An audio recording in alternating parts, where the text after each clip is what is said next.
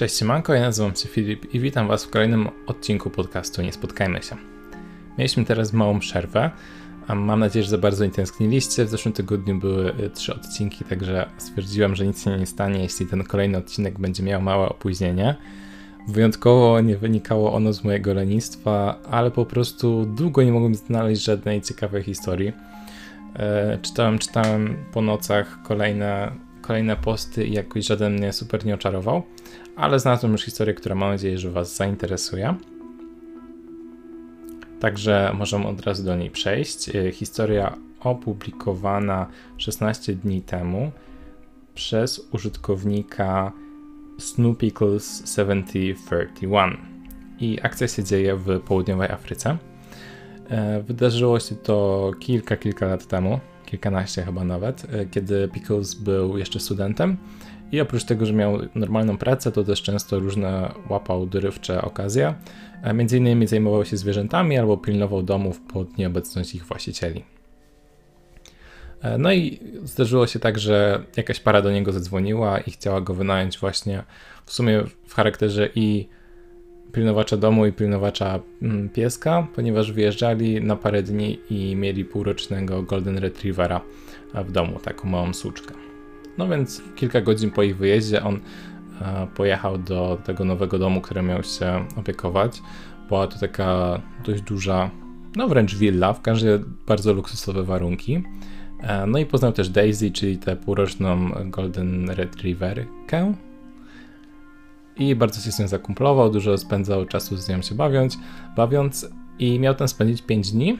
I pierwsze 4 dni i 4 noce w sumie upłynęły mu spokojnie, on się relaksował w jacuzzi, e, odpoczywał sobie, no generalnie korzystał. I kiedy przed dzień powrotu właścicieli zadzwonili oni do niego, ich lot się opóźnił i będą musieli zostać trochę dłużej, E, no to on też ochoczo przyjął tę możliwość, że zostanie jeszcze po prostu jedną noc dłużej w tym miejscu, ale też zadzwonił do swojego ojca, ponieważ mieszkał wtedy z rodzicami, żeby dać mu znać, że no wróci dzień po prostu później, ponieważ wyniknęła taka sytuacja.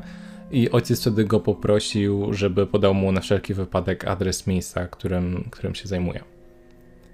I bardzo możliwe, że ta informacja uratowała później Pickles życie, w każdym razie on podał ją i tak dość niechętnie, ponieważ czuł się dość dorosły, na tyle na ile dorośli są dwudziestoparolatkowie i miał takie wtedy jeszcze wrażenie, poczucie nieśmiertelności, że ze wszystkim jest sobie w stanie poradzić i że nic mu nie zagraża.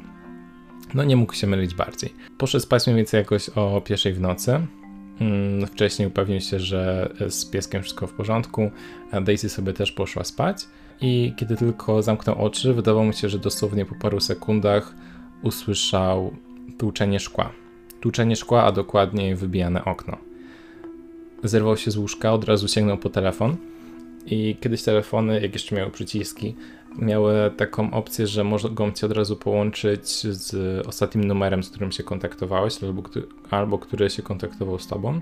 No i w tym przypadku to był tata Pickles i on do niego od razu zadzwonił i słysząc, że dosłownie za sekundę czy dwie ktoś wpadnie do pokoju, wybrał tylko to połączenie i upuścił telefon między materac a zagłówek, żeby w razie czego było słychać o co chodzi żeby jego tata się domyślił, że są kłopoty.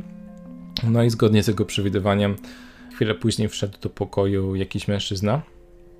Nie widział praktycznie nic oprócz sylwetki i tego, że ma nóż w ręce.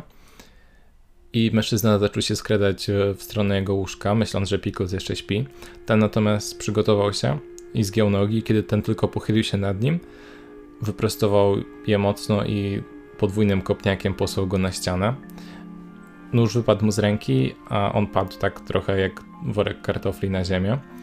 Trzeba zaznaczyć, że Pickles był dość wysoki, napisał, że ważył wtedy około 100 kg i to było 100 kg mięśni, dosłownie. Także nie był łatwym przeciwnikiem do walki.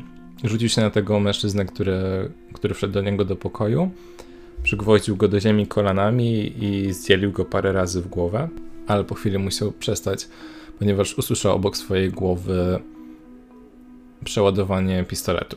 Scena trochę jak w filmie, natomiast zupełnie nie czuł się jak bohater filmu, ponieważ cały zdrętwiał i i zesztywniał, po prostu był bardzo przerażony.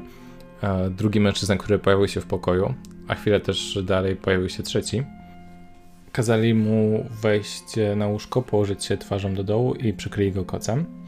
A następnie zaczęli rozmawiać między sobą. Polecenie wydali mu takim łamanym angielskim, ale między sobą rozmawiali w jakimś języku, który Picus rozpoznał jako portugalski, ponieważ często jeździł na wakacje do Mozambiku, a tam to jest jeden z głównych języków. No i debatowali tak chwilę między sobą, dopóki nie usłyszeli, że jakiś samochód wjeżdża na żwirowy podjazd przed domem. Przestraszeni od razu zaczęli uciekać. Pickles usłyszał krzyki swojego ojca na tym podjeździe, e, a następnie strzały.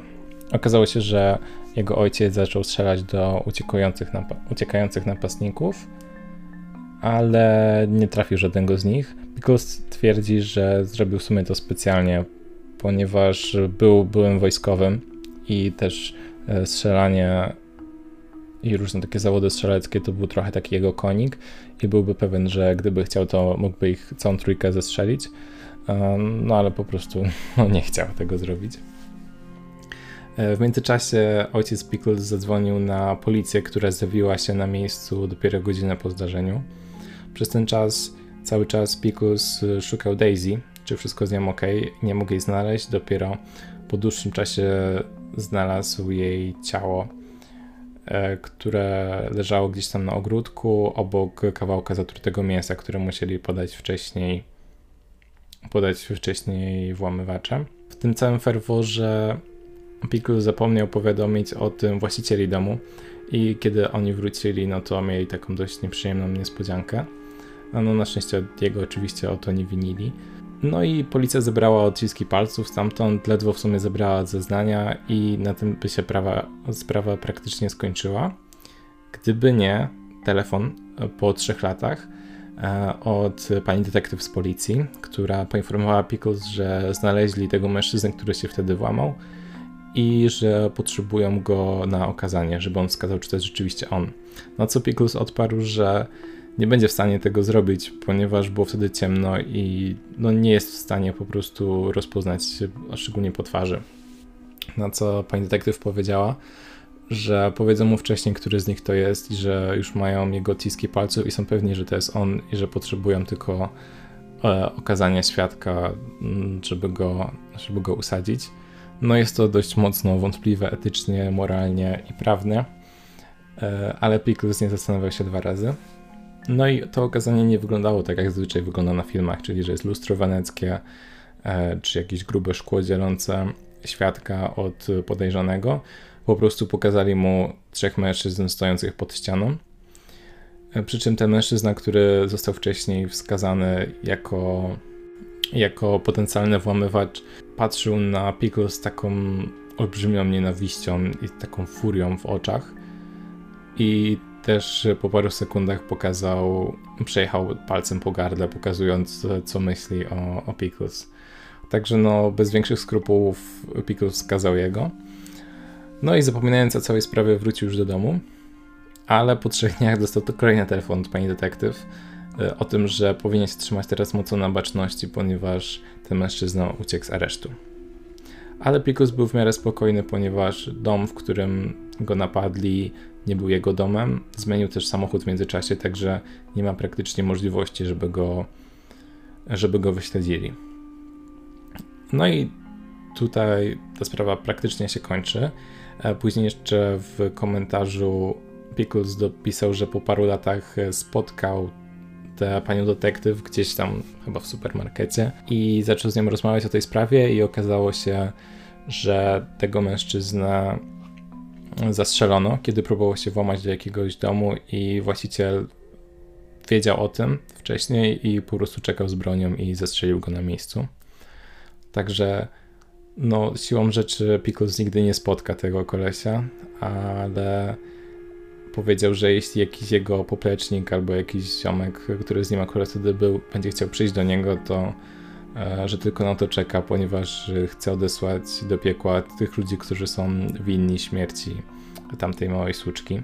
Także na tyle, na ile nie popieram żadnego rodzaju przemocy, vendetty, zemsty i tak dalej, no to w tym przypadku myślę, że to, że to jest zrozumiałe, kiedy, kiedy nie doszła ofiara chce coś takiego zrobić. Także to by było tyle na dzisiaj. Jak zawsze trzymajcie się ciepło, trzymajcie się też sucho, bo jest strasznie deszczowo i mokro ostatnio. Noście maseczki, naprawdę, noście te maseczki. I to był podcast Nie Spotkajmy się, a my spotkajmy się w kolejnym odcinku. Do usłyszenia.